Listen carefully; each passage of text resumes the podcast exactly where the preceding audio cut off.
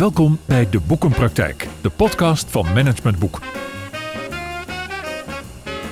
In De Boekenpraktijk praten we met auteurs over hun nieuwste boeken.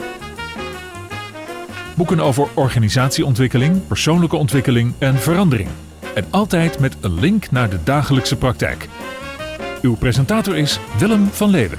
De alledaagse communicatie vraagt om een scherp bewustzijn van morele reflectie en van morele besluitvorming. En dat vraagt op zijn beurt om een bijpassende ethiek. Zo omschrijft auteur Rob van Es volgens mij de aanleiding voor het thema van zijn nieuwste boek Ethiek, emoties en argumenten, wat namelijk gaat over professionele morele besluitvorming. Rob is filosoof en was ruim 20 jaar parttime universitair docent in, in, in de organisatiefilosofie aan de Universiteit van Amsterdam. Hij is net gepensioneerd. Sinds 1996 is hij ook zelfstandig consulent en organiseert hij leertrajecten in morele besluitvorming voor professionals en organisaties. En hij is uiteraard auteur van diverse boeken over ethiek en morele besluitvorming. En Rob is de gast in deze aflevering van de podcast De Boekenpraktijk. Welkom Rob, fijn dat je onze gast wil zijn. Graag gedaan. Die, die eerste zin die heb ik natuurlijk even letterlijk uit jouw laatste boek Ethiek, Emoties en Argumenten gehaald. Ik lees hem nog één keer voor. De alledaagse communicatie vraagt om een scherp bewustzijn van morele reflectie en van morele besluitvorming. En dat vraagt op zijn beurt om een bijpassende ethiek. Kan je die zin eens even uitleggen voor mij? uh, ja, die bijpassende ethiek is waarschijnlijk de meest verrassende wending. Ja. Um, want je, je relateert morele besluitvorming aan ethiek. Ja. Nou, het gaat erom dat je makkelijker tot morele besluitvorming kan komen als je enigszins een inleiding hebt gehad in de basisbegrippen van de ethiek. En dat, dat is één ding, dus inhoudelijke voorbereiding, kennis van zaken. Aan de andere kant moet je het ook een ethiek hebben die goed accordeert met het nemen van morele besluiten. Hmm. Uh, dus het is niet een kwestie van ik heb hier een rij principes en daaraan maak ik elke praktijk ondergeschikt. Mm Maar nee, je kijkt wat is er allemaal aan de hand in die praktijk. Wat is het vraagstuk precies? Wat speelt er allemaal mee? En als zoekende en soms ook onderhandelende kom je tot een overeenkomst. Ja, ja. En wat versta jij onder ethiek? Ethiek is voor mij de, de kritische en, en systematische reflectie op moraal. En moraal is dan verzameling waarden en normen die in een praktijk werkzaam is. Ja. En dat betekent ook volgens mij dat die kritische zelfreflectie, dat je die ook heel bewust toepast in je besluitvorming. Ja, het is van groot belang dat als je een besluit neemt met een aantal collega's, dat je van jezelf enigszins weet hoe je in elkaar zit op dit punt. En dat ook van de anderen leert, als het ware. Dus dat je van elkaar een beetje weet hoe je hoe je in elkaar zit, hoe je reageert, wat je eigen morele waarden en normen zijn en hoe die effect hebben op jouw besluitvorming. Ja, want wanneer is er, is er sprake van moreel handelen eigenlijk? Wat, wat is dat precies? Nou, moreel handelen gaat over uh, het, het in praktijk brengen van morele waarden en normen of niet. Ja. Uh, dus die morele waarden en normen zijn steeds de kern. En de mhm. vraag die zich moet stellen, spelen die nou mee als we het hebben over deze vraag of deze kwestie? Ja. Maar die, waarden, die morele waarden en normen, die hebben wij allemaal. Die dragen we als het ware bij ons op basis van onze cultuur onder andere. Ja. Maar die spreken we vaak niet uit. We hebben het daar vaak niet expliciet over, toch? Klopt. Dat komt omdat die, uh, kijk, die morele waarden en normen die je hebt, dat is gedeeltelijk een kwestie van erfenis, andere deel van opvoeding en zelfontwikkeling. En natuurlijk ook hoe je in je vak gerold bent en hoe je je daarin ontwikkeld hebt. Ja. Dus daar zit een hele scholing achter. Ja. Nou, die neem je mee in uh, je dagelijkse werk. En ook dus in het nemen van besluiten over wat te doen als organisatie. Oké. Okay. Kom ik zo nog even op terug, want daar hangt ook een heel mooi model onder, het drie-fase model. Hmm. Nou had ik zelf als lezer wel wat moeite met dit laatste boek van je, vanwege de enorme duiding van definities en begrippen. Maar ik, ik, ik, ik, begrijp dat dat uh, vooral te maken heeft met dat dit eigenlijk een soort samenvatting is van drie eerdere boeken. Klopt dat? Ja, daar komt het eigenlijk wel op neer. Dus ik heb de drie voorgaande boeken, die trilogie, heb ik nog eens doorgenomen. En zegt, als ik nou de boel nog scherper op elkaar snij en bij elkaar breng, uh, levert dat dan nog wat winst op. Hmm, ja. En dat is wel zo, omdat de boel nu uh, nou, scherper gepresenteerd is dat het anders zou zijn. Maar dat betekent wel dat ik alle uh, leuke dingen, in de zin van films, toneelstukken, literatuur enzovoort, eruit gehaald heb om alleen maar de basistekst ja produceren. En daarbij ook het model uh, scherper te maken. Ja, want even kijken, we hebben een trilogie hè, hieraan voorafgaand. Dat is het boek Veranderdiagnose. Was destijds managementboek van het jaar, volgens mij 2008 alweer, even uit mijn hoofd. Professionele ethiek en emotionele integriteit dan als een soort slotakkoord. Mm even die drie boeken, wat is, wat is daar het verband tussen? Waarom is dat een trilogie? Waar werk jij naartoe, zeg maar? Nou, het eerste boek ging eigenlijk over de vraag hoe kun je een organisatie goed begrijpen. En wat ik constateerde is dat de meeste uh, mensen in de praktijk werken met allerlei modellen en hulpmiddelen, waarbij ze voornamelijk naar de bovenstroom kijken van de organisatie. Terwijl als je echt wil weten hoe het werkt in een organisatie, dan speelt de onderstroom voortdurend een rol. Mhm. Dus die zou je ook moeten leren begrijpen. Als je echt een diagnose wil stellen. Ja. Dus dat is de bedoeling van dat boek. Kijk goed naar de onderstroom om te begrijpen hoe het werkt in een organisatie. Mag ik daar gelijk al even op inhaken? Want je hebt het over bovenstroom en onderstroom. Dat is niet voor iedereen even duidelijk. Nee. Kun je dat toelichten? Wat, wat versta jij onder boven- en onderstroom? Nou, de bovenstroom is eigenlijk het verhaal wat uh, de bedrijfskundigen normaal gesproken geleerd krijgen op de universiteit. Ja. dus je moet kijken naar geld en de structuren. En je moet af, wat, wat dingen van politiek gebied hebben. Je moet een soort uh, opvatting hebben van hoe manage je een cultuur. Hoe zorg je dat je informatiestromen goed lopen. Al die zaken die je rationeel wel overwogen aanstuurt. Ja. Dat is de bovenstroom. Beetje feitelijke data, zeg maar. Ja. ja. En de onderstroom is datgene wat er allemaal gebeurt op het gebied van, ja, uh, voel ik mij wel goed? Overleef ik wel in deze organisatie? Wat we nu gaan doen, is dat een overeenstemming met mijn eigen moraal? Uh, kan ik dit wel doen? Uh, kunnen we daar al over praten of zit er een taboe op? En is het ook nog een beetje leuk om hier te werken? Ja. Dat zijn allemaal van die dingen die in de onderstroom spelen. Dan kom je op normen, waarden, gevoelens. Ja, veel ja, gevoel, veel emoties. Ja, ja. En dat brengt je automatisch naar het derde boek. Want dat gaat dus over uh, emoties en over integriteit. Ja. En daar constateer ik eigenlijk dat wat nu integriteit heet in Nederland, althans zeker bij de overheid, dat is in feite een woord wat terechtgekomen is in de bovenstroom. Hmm. Het is namelijk een doel en je managt erop, je controleert. Het is compliance en iedereen zit er bovenop om te zorgen dat het gerealiseerd wordt. En we jagen achter de mensen aan die er niet aan voldoen. Ja. Dat heeft heel weinig mee te maken met het oorspronkelijke woord integriteit uit de oude Griekenland, waar we duizenden jaar mee gewerkt hebben. Wat veel meer gaat over: ben jij in één lijn tussen uh, verstand en hart? Uh, doe je wat je zegt? Uh, ken je jezelf? Hmm. Dat soort inzichten. Ja, dat noemen wij dan weer met een mooi woord misschien authentiek zijn. Ja. ja. Um, je hebt het al even over die overheid. Hè. De integriteit wordt veel meer naar die bovenstroom gehaald. Dus we zijn eigenlijk aan het, als ik het even chargerend zeg, aan het afvinken of we aan onze compliance voldoen, zeg maar. Ja. Um, werk jij ook met overheden of niet? Jawel. Ja. ja. Wat, wat, wat, wat, wat voeg jij daar dan toe? Wat introduceer jij dan waardoor hopelijk die integriteit ook vanuit die onderstroom een plek krijgt? Mm, misschien eerst de ervaring dat het uh, niet goed vol te houden is om alleen maar te richten op de bovenstroom. Ja. En als je dat er met de gaten hebt, ja, dat is ook zo, dat speelt ook mee. Dan eens kijken wat we daar dan over kunnen zeggen. Dus de mensen met elkaar, om wie het dan gaat bij zo'n bijeenkomst, uh, erin laten oefenen dat ze ook de onderstroom ja, bespreekbaar, aanvoelbaar kunnen maken, ook uh, communiceerbaar kunnen maken. Ja. Uh, en als je dat een beetje de gaten krijgt, ook zeggen van nou zou je dit ook op je eigen afdeling kunnen gaan doen. Ja. En hoe zou je dat dan kunnen gaan doen? Oké. Ik moet denken aan, de, aan het onderscheid wat jij in dit laatste boek Ethiek, Emoties en Argumenten hebt gemaakt tussen moreel debat en moreel dialoog. Mm -hmm. Waarbij de morele dialoog heel erg gaat over, zullen we het eerst eens hebben over nou, hoe we hier met elkaar zijn en zitten, zeg maar. Ja. Als ik het zo mag samenvatten. Ja. De, de, de dialoog gaat eigenlijk over de vraag uh, hoe verhouden wij ons tot opzichte van elkaar. En volgens welke spelregels gaan wij verder met elkaar praten. Ja. Ja. Terwijl het debat gaat natuurlijk over de, kwa, de kwestie, de zaak, waar het echt waar het om, om spant. Ja.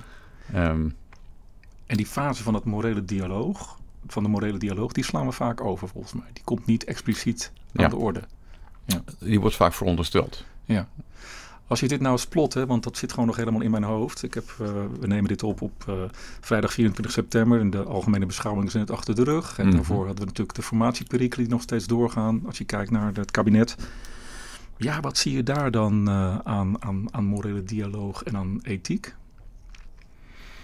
Mm, nou ja, in het hele lange proces wat al gaande is, voorafgaand aan deze beschouwingen, zie je dat er ehm, regelmatig iets anders wordt gezegd dan er wordt gedaan. Mhm. Eh, dus dat komt al niet erg ehm, oprecht over. Dus dan zit je al vrij dicht is dit wel integer wat er gebeurt? Uh, dan ehm, gaat het heel vaak over in feite de relatie en over de spelregels. Alleen dat men doet net alsof het niet zo is en dat het gaat over de zaak. Ja.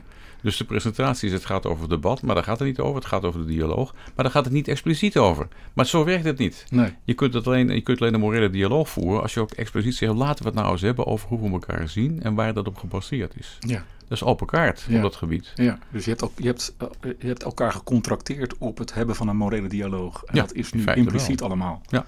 Ja, ja, oké. En wat, wat zou jij daar dan, stel dat er morgen gevraagd wordt aan Rob van Nes om daar eens even je mee te gaan bemoeien. Wat zou jij dan eh, in die formatie, je mag aan tafel komen zeg maar bij die, ja, bij die drie mensen die daar dan steeds zitten. Hè, die Rutte en eh, Hoekstra en eh Kaag. Mhm. Wat ja. zou jij dan introduceren? Ik denk dat ik het vooral zou hebben over de onderstroom van hun proces. Dus hoe kijken jullie nu eigenlijk naar elkaar? Want je bent al zo lang met elkaar bezig. Je hebt elkaar pijn gedaan hier en daar. Eh, vertel eens. Ja, En dan krijg je natuurlijk weer een eh, oppervlakkig praatje. Want eh, Rutte en Co. is heel goed in staat om over onderuit te komen met eh, slim praten. ja. Maar dat is een kwestie van doorvragen, is mijn ervaring. oké. Ja, ja. En de mensen stimuleren tot... eh, kom eens, spelen ze op elkaar. Wat, Ja. Hoe zit je er nou eigenlijk in? Want kriebelt het wel eens bij jou als je dit dan op, in de media en op televisie ziet dat je zegt van goh, dit kan toch zo anders en beter? Dit kan zeker anders en beter, ja. Ja. Maar goed, soortgelijke processen zie je ook in de boardroom, eh, in de bedrijven. Dat, dat mensen vanuit een zekere houding, eh, of, of arrogant of onzeker of ik niet weten wat er uitkomt, tonen ze dan dat ze eigenlijk zeggen van ja, ik, ik wacht het maar even af allemaal. U, u bent de expert. Het is een soort strategie die mensen dan eigenlijk inzetten, Ja. bewust of onbewust. Ja. Ik denk het, ja. Ja, om maar niet kwetsbaar te hoeven zijn. Om, ja, om dat toch maar te vermijden. Of om mooi af te wachten. Ja, ja. Nou, dat relateert volgens mij wel aan de, de stellingen, dus we gaan even naar de stellingen. Drie stellingen wil ik jou voorleggen, Rob. En eh er zit al te glimlachen. En mijn vraag is om in eerste instantie alleen even met eens en oneens eh, te antwoorden. En daarna uiteraard is het tijd voor de nuance. Stelling 1. In tijden van pandemie en crisis is ethiek logischerwijs ver te zoeken. Eh, oneens. Oneens. Stelling 2. Moraliteit vraagt emotionele integriteit en dus kwetsbaar durven zijn. En daar wringt nu juist de schoen, omdat we in deze prestatiemaatschappij ons steeds minder van onze kwetsbare kant willen laten zien. Eens. Eens. Derde stelling. Hoe meer macht, hoe minder de moraliteit en integriteit. Is een algemeenheid eens. Ah, nou. Laten we daar eens even op, eh, op aansluiten. Want daar begon je eigenlijk al over. Je had het over de boardroom. Ehm, eh, in relatie tot de politiek. Hoe meer macht, hoe minder de moraliteit en integriteit. In essentie eens. Kun je daar iets meer over zeggen? Wat gebeurt er waardoor die moraliteit en integriteit kennelijk afneemt? Noem ik het maar. Als de macht toeneemt. Ja, dat, dat- daar gaat het me even om. Hè. Als de macht toeneemt. Kijk, de bekende uitspraak is natuurlijk dat absolute macht corrompeert. Ehm, dat is onvermijdelijk. En dat, dat is omdat er totaal geen enkele feedback meer is op het, op het gedrag. Je kunt je alles permitteren. Eh, dat is maar zelden het geval natuurlijk. De meeste mensen hebben macht op zekere hoogte. Ja. Er zit een soort correctie op. Alles zet alleen met andere mensen die ook een soortgelijke macht hebben in de organisatie. Dus het, het- daar gaat een keer in ieder geval debat over gevoerd worden. Ehm, dus in die zin is er wel een beperking. Absolute macht, ja, dat gaat, dat gaat fout. Dan heb je geen moraliteit. Maar je kunt doen wat je wil. Dat heb je gezien. De Caligula-achtige figuren.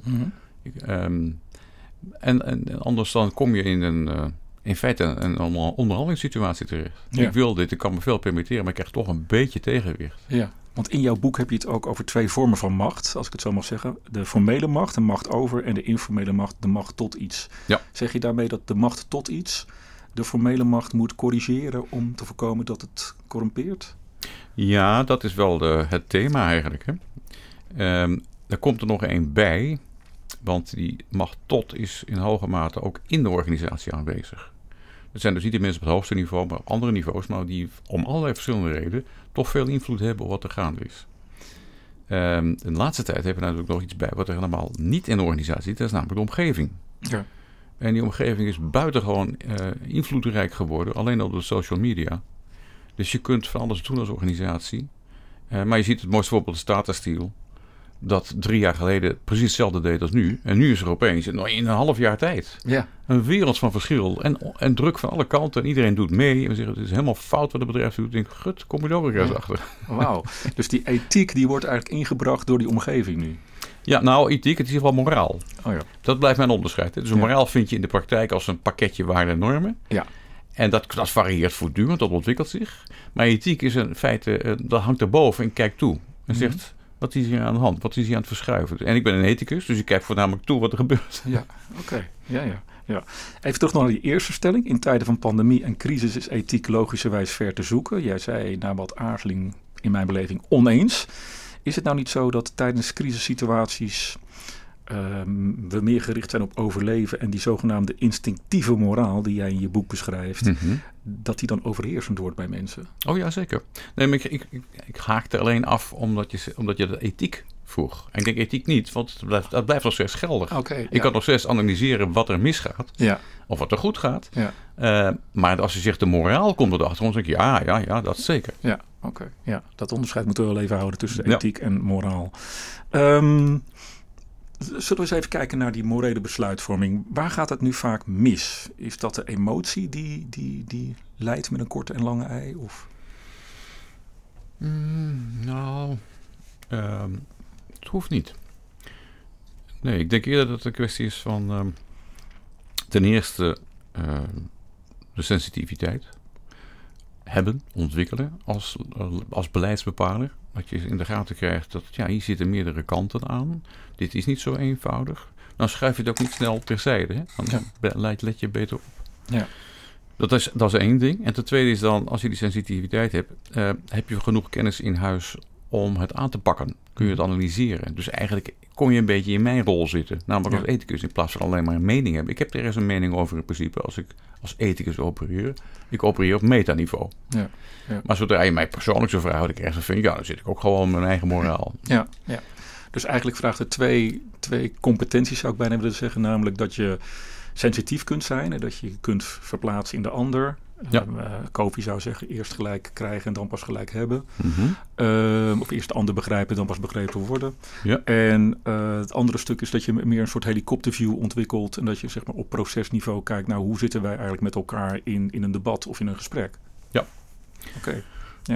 En wat er vaak dan bij komt kijken, is dat je te snel zegt: Oh, het gaat dus daarom. Ik denk eerst maar eens even goed analyseren wat de vraag nu eigenlijk is. Wat is de kwestie nou waar het om gaat, moreel gezien? Ja. Vooral moreel gezien. Want wat het financieel, technisch of juridisch betekent, dat weten de meeste mensen. Ja. Maar wat is nou ethisch gezien aan de hand? Dan zitten we even op het hogere niveau. Het klinkt heel simpel eigenlijk van, eh, nou ja, la- laten we dat eens gaan doen. Maar wat, wat, wat, weerhoudt dan zeg maar die praktijk om, om dit te doen? Wat gaat er dan vaak niet goed? Waar, waardoor verstoren we eigenlijk die morele besluitvorming? Nou, het zal er veel mee te maken hebben dat je natuurlijk enig zelfvertrouwen moet hebben om erover te gaan praten. Oké. En er zitten voornamelijk natuurlijk bedrijfseconomen en juristen en aanverwante economen in eh, de hoogste eh, beleidsbepalende rollen. Ja, weet je, de blauwe mensen die op De blauwe zitten. mensen. Ja, Ja, de financiële experts. Ja, ja. die zitten daar. En die moeten dan meestal over ethiek gaan praten. Nou, ik, ik weet dat ze dat op zich best kunnen onder de knie krijgen. Maar dan moet je wel even tijd voor maken. Ja. Ehm, ik doe dat al een tijdje bij de controllers bijvoorbeeld. Oké. En dan merk je dus dat, dat sommige mensen daar niet staan zitten denken van, wat is dit allemaal voor? Dat, zijn, dat, dat is niet goed te managen. Nee, dat klopt. Gevoelens zijn niet goed te dus ja, daar, daar zul je met alles mee moeten. Ja. Nou, dat is even schakelen. Ja, Als ik het heel voorzichtig zeg. je moet ze eigenlijk ook een soort nieuwe taal aanleren, lijkt het wel. Ja, Ja. ja. dat denk ik wel. Ja, en het heeft ook wel een beetje met lef te maken volgens mij. Hè? Namelijk om, om daadwerkelijk op te durven staan en toe te geven eh, aan je morele waarden. In plaats van dat je, wat ook veel gebeurt volgens mij in organisaties, gewoon wegkijkt. Zeker. Ja. Zodra je kunt verschuilen achter een groepsbeslissing, is het natuurlijk altijd al makkelijker. Of Ja. kunt zeggen, ja, maar die heeft het niet goed aangeleverd. Ja, dus die schuld ligt daar, dat is buiten jou. Ja, een soort slachtofferrol. Ja. Of dat ook, ja, Ja. kan ook. Laten we even naar het drie-fase model gaan. Ehm, want je belicht uitgebreid in het laatste boek ook eh, de- het, zogenaamde drie-fase model voor morele besluitvorming. Mhm. Beeldvorming, oordeelsvorming en besluitvorming. Kun je daar kort iets over zeggen? Hoe, hoe werkt dat precies? Nou ja, als je dus eh, eenmaal helder hebt, dit is blijkbaar de case, hier moeten we het over hebben, dan krijg je eerst de vraag eigenlijk, uh, wat voor associaties roept dat op? Ook emoties, intuïties. Probeer die eens te benoemen, zodat je weet wat er speelt. Je kunt namelijk wel net, net doen alsof dat niet relevant is. In maar ik moet nou wat rationeel analyseren. Maar dan blijft het doorsukkelen tijdens de uh, bespreking. Ja, want die emotie is er toch wel. Die, die komt terug. Ja, je kunt hem even onderdrukken, maar die speelt altijd mee. Dus ja. dan kun je gewoon zeggen wat, wat voor jou meespeelt. Misschien vind je het wel grote onzin dat het hele onderwerp eronder komt. Of zeg je juist, nee, ik, ik vind het een heel gevoelige zaak, maar ik weet niet goed hoe, wat ik hoe mee moet. Mm. Dat maakt nogal wat uit. Ja. Zo verschillend zitten de, de partners aan tafel. Uh, dan denk ik dat je goed in de gaten moet krijgen wat zijn dan de morele waarden die meespelen. En die spelen altijd op meerdere niveaus. Dus wat speelt er, wij spreken over jou persoonlijk, maar wat, wat speelt er ook op het niveau van de organisatie? Ja. En wat speelt er in de omgeving? Ja. Uh, dus dat je duidelijk krijgt wat er allemaal meespeelt. En dan kun je een keer voor de eerste maal formuleren: wat zou nou een goede morele vraag zijn die we willen beantwoorden? Mm. En dat noem ik de morele kwestie formuleren. Ja. Als je die helemaal geformuleerd hebt, dan ga je naar fase 2. En fase 2 zeg je: laten we nou vanuit de ethiek kijken naar wat we hiervan kunnen zeggen. Nou, er zijn drie belangrijke stromingen die je dan gebruikt om het te verhelderen. En dat levert tegelijkertijd argumenten op. Dus als het gaat om deze vraag, is het moreel acceptabel dat we dit of dit doen gezien dat en dat? Dan krijg je daar argumenten op. Ja, dat is zo, want. Mm -hmm. Of nee, dat kan niet, want. Ja. Heb je daar een voorbeeld van? Heb je ook een voorbeeld misschien, als ik luisteraar, dan is het nog heel, klinkt het nog heel theoretisch, mm -hmm. uh, van zo'n morele kwestie en hoe je dat dan vervolgens uitwerkt zoals jij dat nu schetst? Misschien moeten we even naar die film toe. 12 Angry Men. Ja, uh, want die gebruik je ook als een mooie dat metafoor, vind voorbeeld. ik. Ja. Kun je daar iets over vertellen? Want um, nou, je gebruikt veel films als metaforen om, Mhm. uh, om uh, nou ja, moraliteit en integriteit te duiden. En in dit boek gebruik je de film 12 Angry Men als voorbeeld voor morele besluitvorming. Ja. Daar komt eigenlijk, in mijn beleving, komt dat drie-fase model ook terug. Um, Ja. wat, wat, wat, hoe, wat leren we nou uh, uit deze film? Wat is daar de morele kwestie en wat maakt dat het dan um, nou ja, loopt zoals het moet lopen, zeg maar? Nou ja, de film is eigenlijk een rechtszaak op zijn Amerikaans. Ja. Uh, maar het is niet zo juridisch als je goed kijkt naar de film, als je hem echt analyseert. Het is eigenlijk een kwestie van morele besluitvorming. Dus er gaan twaalf mannen apart in een kamertje zitten. Om nou te besluiten, is deze jonge man, om wie het gaat, uit Puerto Rico, is die schuldig of niet? Ja, want hij heeft zijn vader vermoord, of niet. Of niet, ja. Uh, en uh, nou, er is een jury, die moet zich, het zijn allemaal ma blanke mannen volgens mij. Allemaal blanke mannen. Ja, ja dus 1957 in, in, in, New York. ja, die moet zich daarover buigen. En dan, uh, dan gebeurt er iets opvallends, want een van de twaalf, volgens mij, die uh, neemt een ander standpunt in. Ja, iedereen zegt op basis van vijf dagen proces, let wel, dat gaat niet over één nacht ijs. Vijf dagen proces zegt, uh, het eerste rondje levert elf handen omhoog op die allemaal zeggen, de jongen is schuldig. Maar de rechter gaf als vraag mee, als er enige redelijke twijfel is, of gegronde twijfel is aan, uh, is deze jongen schuldig ja of nee, dan moet je zeggen, nee, uh, wij kunnen hem niet veroordelen. Hmm. Dat is iets anders. Ja. Dus we moeten goed kijken, wat is de vraag? Waar reageren ze op? Dus Ja. is hier twijfel? Dat is de vraag. En in eerste instantie zeggen dus elf uh, absoluut niet, die jongen schuldig. Heel een duidelijke zaak. Maar er zit een twaalfde persoon die zegt, nou, daar wil ik het toch nog even over hebben. Want ik vind toch, toch een paar dubieuze dingen in zitten. Ja. En dan ontstaat het proces dat ze elkaar moeten spreken. En eerst gaat dat uh, een beetje sarcastisch, van wat is dat voor onzin? Dat is wel duidelijk. En langzamerhand die al reconstruerend. Wat hebben we nou eigenlijk gezien? Wat was het geval? Zijn er soms elementen in het hele proces geweest die toch wat onduidelijk waren of twijfelachtig? Mm -hmm. En al praten met die, met die elf anderen slaagt hij er gaandeweg in om anderen ook anders te laten kijken. Hm. En, en wat doet hij daar dan met name in, waardoor dat lukt? Hij uh, trekt eigenlijk in twijfel wat voor de meeste mensen een soort zekerheid is om te zeggen, ja, maar wat is er nou precies gebeurd en wat weten we nou wel of niet goed? Dus goed een case analyseren, wat hij, Mhm. ziet, wat hij doet eigenlijk. Andere punten merkt hij dat uh, sommige mensen uh, de jongen veroordelen alleen al omdat de jongen uit Puerto Rico komt. Ja, ja, ja. En de jongen van een bepaalde leeftijd is, Ja. puber. En er komen dus mensen met reacties die meer iets zeggen over hun uh, weerzin tegen de afkomst en het feit dat het een puber is, Ja. Dan dat hij zo daadrukkelijk de dader is. Dus wat hij doet, volgens mij, als ik het goed begrijp, is dat hij de normen die anderen onmiddellijk loslaten op hun besluitvorming Precies. ter discussie stelt vanuit, nou eigenlijk, een morele kwestie. Ja. Ja, ja, ja. Mooi. Ehm, wanneer is een, is een besluit ook een professioneel moreel besluit? Eh, je zou kunnen zeggen als dat eh, systematisch en kritisch is. Want dat is dus, dat, dan, dan wordt het ethisch verantwoord. Dus dat je goed nadenkt of je alle zaken die relevant zijn wel hebt gehad. Hm. En daarvoor heb ik dus ook dat drie-fase model gemaakt. Ja. Dus ik zou zover willen gaan om te zeggen dat als je dit drie-fase model zorgvuldig hanteert, dan is de uitkomst van het model gegarandeerd moreel verantwoord. Dus de kwaliteit van dat model zit hem in het proces waar je doorheen gaat. Ja. Ja. En je kunt hier niet doorheen lopen, als je het serieus invult, eh, tenminste. Je kunt hier niet doorheen lopen en dan aan het eind zeggen: Ik kom uit op iets wat achteraf gezien volstrekt moreel onverantwoord is. Dat kan niet. Nee, nee.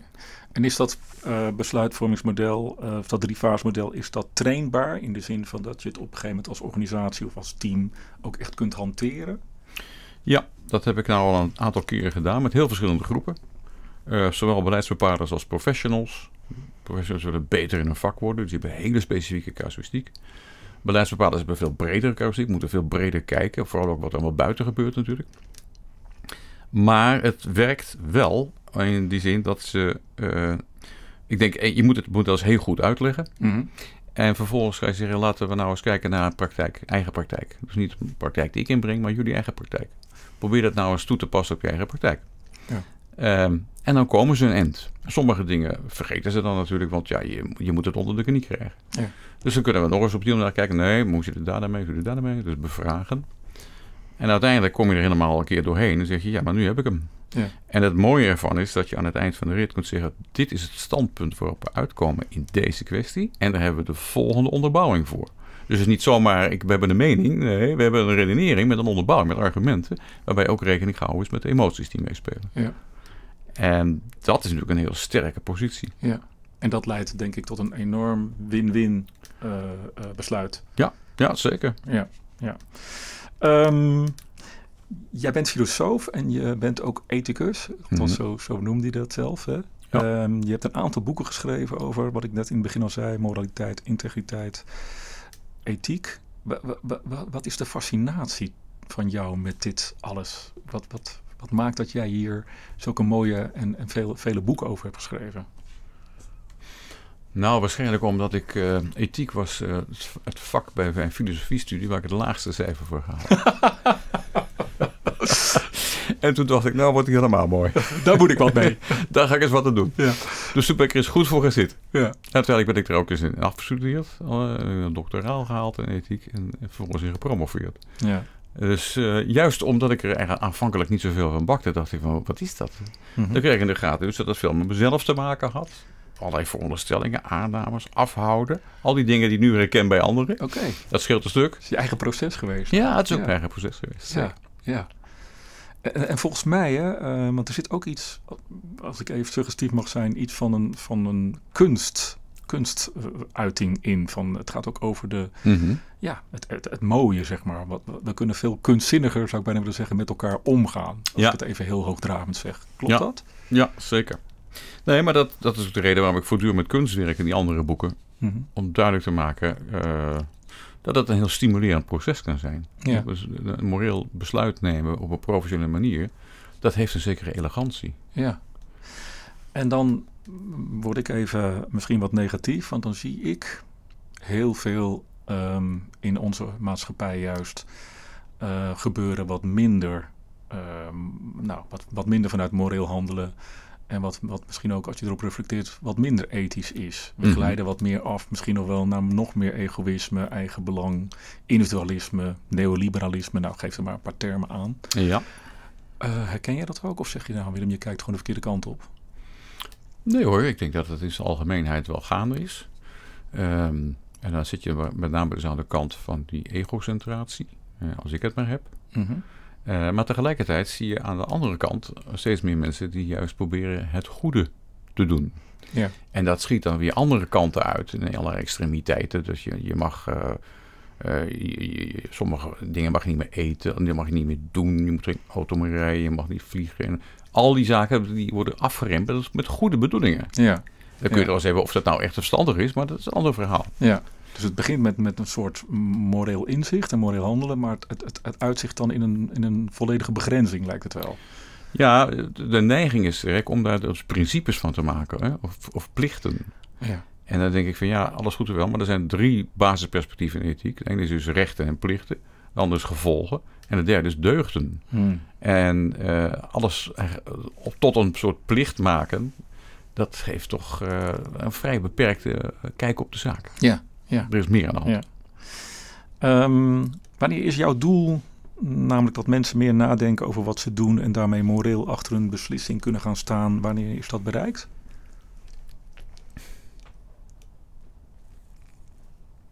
Nou, ik denk dat als- als ik zou merken bij het nemen van zo'n beslissing door een groep beleidsbepalers, eh, dat ze met een sterk standpunt komen waarover nagedacht is. Dus dat ze het proces eh, eer hebben aangedaan en dat ze het ook zelf beter van geworden zijn, individueel en als groep. En ook tot het besluit komen wat te goede komt voor de organisatie. En daardoor ook voor de samenleving, want daar moet je rekening mee houden. Ja, ja. Oké. We zijn aan het einde gekomen, Rob, alweer van deze Ja. podcast. Is er nog iets waarvan je zegt, nou, daar, daar daar wil ik nog even op terugkomen, of dat, dat, dat is nog even iets wat ik wil belichten in dit hele verhaal? Nou, misschien toch wel het inzicht dat je misschien twintig jaar geleden kon volstaan met één keer in de drie, vier maanden komt er iets langers waar je nou echt een beetje moreel druk op moet maken. Maar voor de rest is het business as usual. Eh, dat is in rap tempo aan het afnemen. De druk op beleidsbepalers, van welke organisatie dan ook, is bijzonder groot geworden. Omdat de snelheid van alles wat je doet eh, en waar je feedback op krijgt. En dat is feedback in de goede betekenis van hier wordt over nagedacht. Maar ook de vervelende betekenis van hier gaat gelijk, komen de emoties op en word je veroordeeld. Ja. Social media dus. Ja. Ehm, ja, dit is zo'n geweldige druk geworden. Ja. Eh, je kunt eh, je niet meer permitteren hè, om daar niet naar te kijken of te denken, ik, ik, kom er wel overheen of laat maar gaan. Ik kom er wel mee weg, want Ja. die feedbackloop vanuit de omgeving via social media is gewoon veel kritischer en veel heftiger geworden. Zeer sterk geworden. Ja, ja, dus je. Daar, daar moet je op vooruit grijpen. En dus moet je zo, als het ware een morele kwaliteit ontwikkelen. Ja. En als ik nou als luisteraar nog niet bekend ben met deze trilogie en met dit laatste boek, zeg maar. Mhm. Wat raad je dan met name aan om, ja, je zou natuurlijk zeggen alle boeken even lezen, maar wat, wat is dan, waar kan ik me met name op focussen om daar snel wat meer, meer, meer handvat in te krijgen? In die morele besluitvorming of in, die, ja, in dat moreel handelen eigenlijk.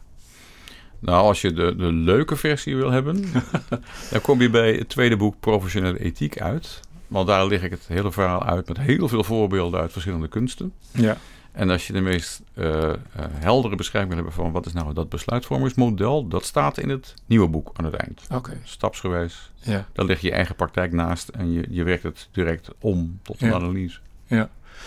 En wat is de volgende stap in het auteurswerk van Rob van Es? Daar ga ik eens rustig over nadenken. Daar heb je nu alle tijd voor. Ja, we gaan altijd zo. Dankjewel. Graag gedaan. Ik wil jou eh, bedanken eh, voor deze eh, bijdrage aan deze aflevering van de Boekenpraktijk. Want het is toch wel belangrijk om in deze bizarre en tumultueuze tijden, vind ik, van pandemie, formatieperikelen, social media, et cetera, wat meer aandacht te hebben voor thema's als moraliteit integriteit vanuit een ethische reflectie. Ik verwijs jou eh, als luisteraar van deze podcast heel graag naar de volgende aflevering alweer, die over twee weken uiteraard weer op alle grote podcastkanalen te vinden zal zijn. En ook daarin spreken we weer met een gerenommeerd auteur over zijn of haar opmerkelijk recent verschenen managementboek. En zullen we kijken of we de strekking van dat boek kunnen plotten op een actuele casus uit de praktijk. Rest mij je hartelijk te danken voor het beluisteren van deze podcast van de Boekenpraktijk. Heb je vragen, opmerkingen of suggesties? Mail dat dan SVP naar info.managementboek.nl Tot zover de praktijk van boeken. Kijk voor meer afleveringen of een abonnement op de boekenpraktijk op managementboek.nl/slash podcast. Je vindt ons ook op Spotify, Apple Podcast, Google Podcast en Soundcloud. Hartelijk dank voor het luisteren en graag tot de volgende podcast.